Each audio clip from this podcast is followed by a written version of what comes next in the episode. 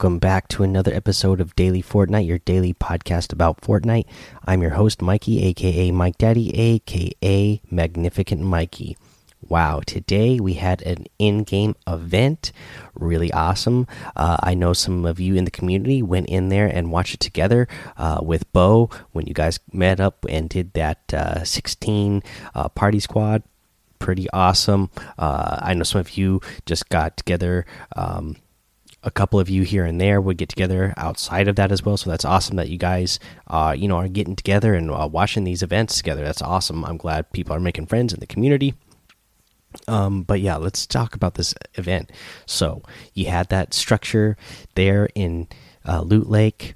Uh, when that timer, when that countdown ended, that thing started spinning real slow. Then it started spinning faster and faster. Then the it, then it goes down and it takes you somewhere and then boom there's six pillars there and there were the options. You know everybody attacked whichever uh, item that they wanted to bring back and drum gun was overwhelmingly the uh, you know the choice that was made. It was ridiculous uh, not even close uh, but yeah so after that uh, you know you're down in this weird place. You know there's like that weird little uh, orb thing that was down there too so that was cool. Uh, there was just like a random desk down there with a pink mask on it too so i wonder what that's all about. But yeah it's really cool. So after that happened everybody uh, you know voted for whichever item that they were wanting. Drum gun one you come back out and then you're up there floating around and then you're watching uh, the volcano erupt and it's sending big lava rocks everywhere. Boom, one lands at Retail Row, destroys Retail Row. Another one shoots out, uh, doesn't quite hit Polar Peak, but it's out in that direction. So we're still going to have higher fire versus ice maybe in season nine. Uh, still have that whole thing going on. That, uh, you know, story or lore hasn't ended yet. Um, but yeah, then we have another lava rock that goes and destroys Tilted Towers. Wow. And did Epic troll us? There was the one building in Tilted Towers that would never be completed, it would never get finished. Um, you know, something would always happen. Sorry, something would always happen, and the building would get destroyed before it was finished.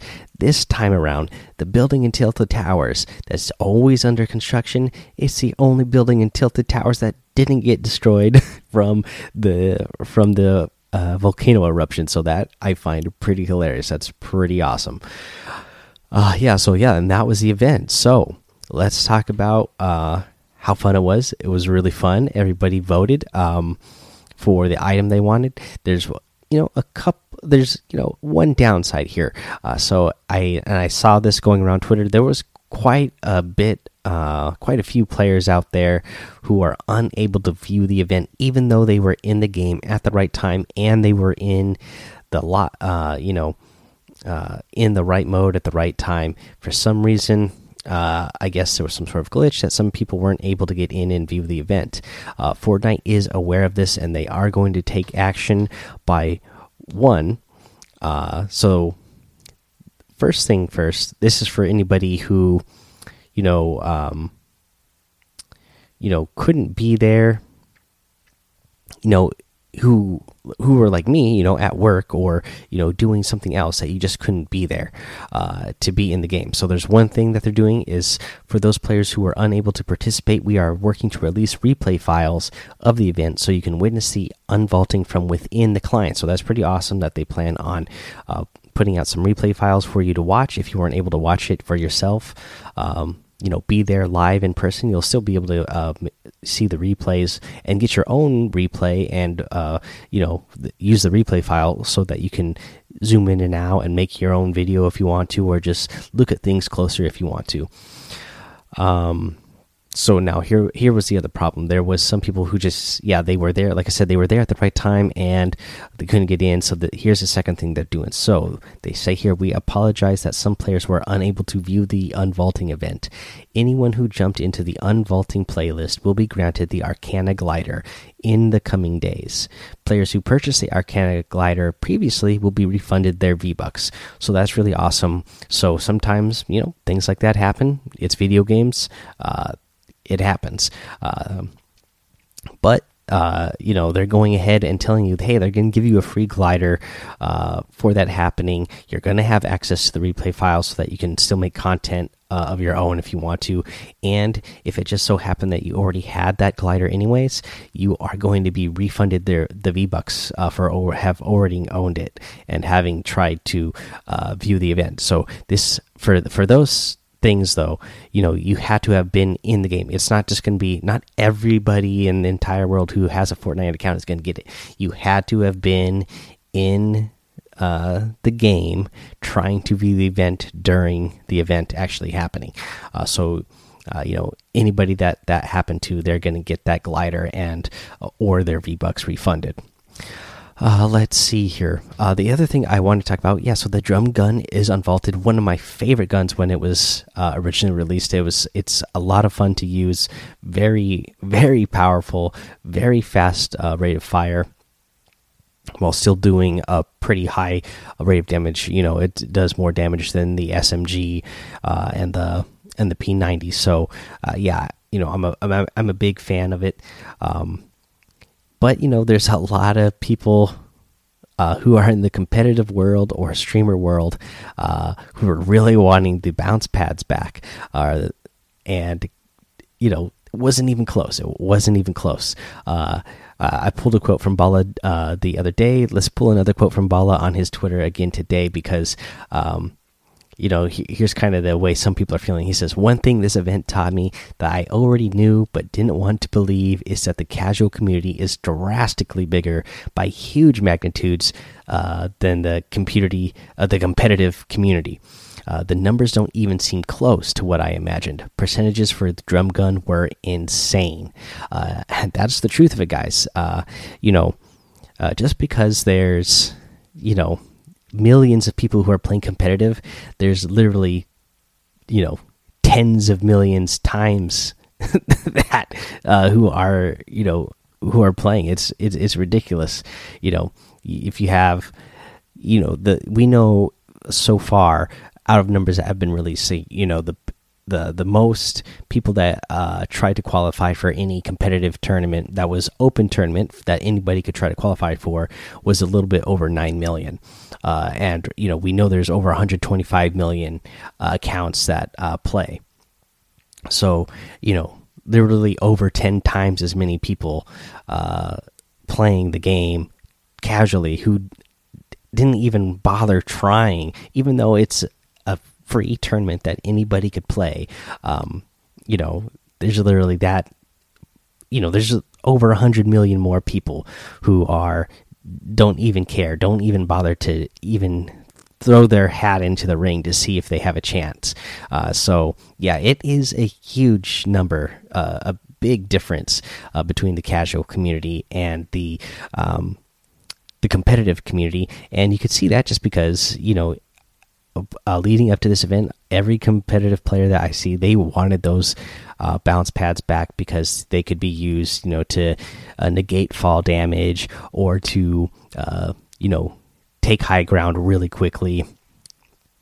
But the casual players just don't seem, you know, they're they're not you know they're not playing at that level to where they really care that much about it where they uh, you know are getting in these one one on one uh, battles and build battles that are going so high up that they want to get the high ground that much faster or get so high up that they want to go back down all the way down but get down really fast uh, and not take fall damage. It's not something you know important to them. So what do we get? We get a fun a drum gun, just a fun weapon uh, that I'm really excited about to have back in the game, just because uh, you know there's some insane things you could do with that weapon.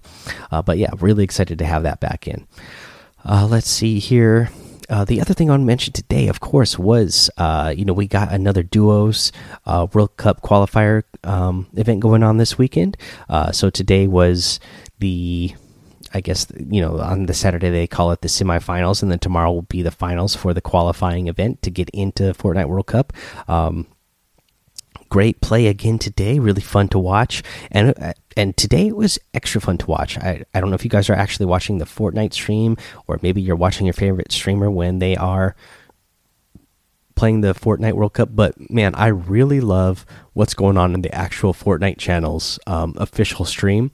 The the the Shoutcast team over there, they uh, you know they're they're hitting the groove now. You know we're um, you know we're four weeks into this now that most of that team's been working together now uh, with for a few weeks um, and the other events that they've worked together uh, on the past as well. So yeah they're getting really good. I, i'm loving the presentation they're doing. I love the commentary they're giving and how much smoother they're getting at uh, you know throwing it back and forth to each other and transition, transitioning uh, to uh, a new point. I think that team is doing really good right now. So, uh, you know, if you haven't been watching the actual Fortnite channel stream of the World Cup qualifiers, uh, I would definitely suggest doing that because uh, it's been really good. Uh, let's see here. Let's go ahead now and get to a week 10 challenge tip. For this challenge tip, since we just got done talking about competitive play, uh, this challenge, I'm going to suggest that you just go, you know, play the arena mode and get it done really fast.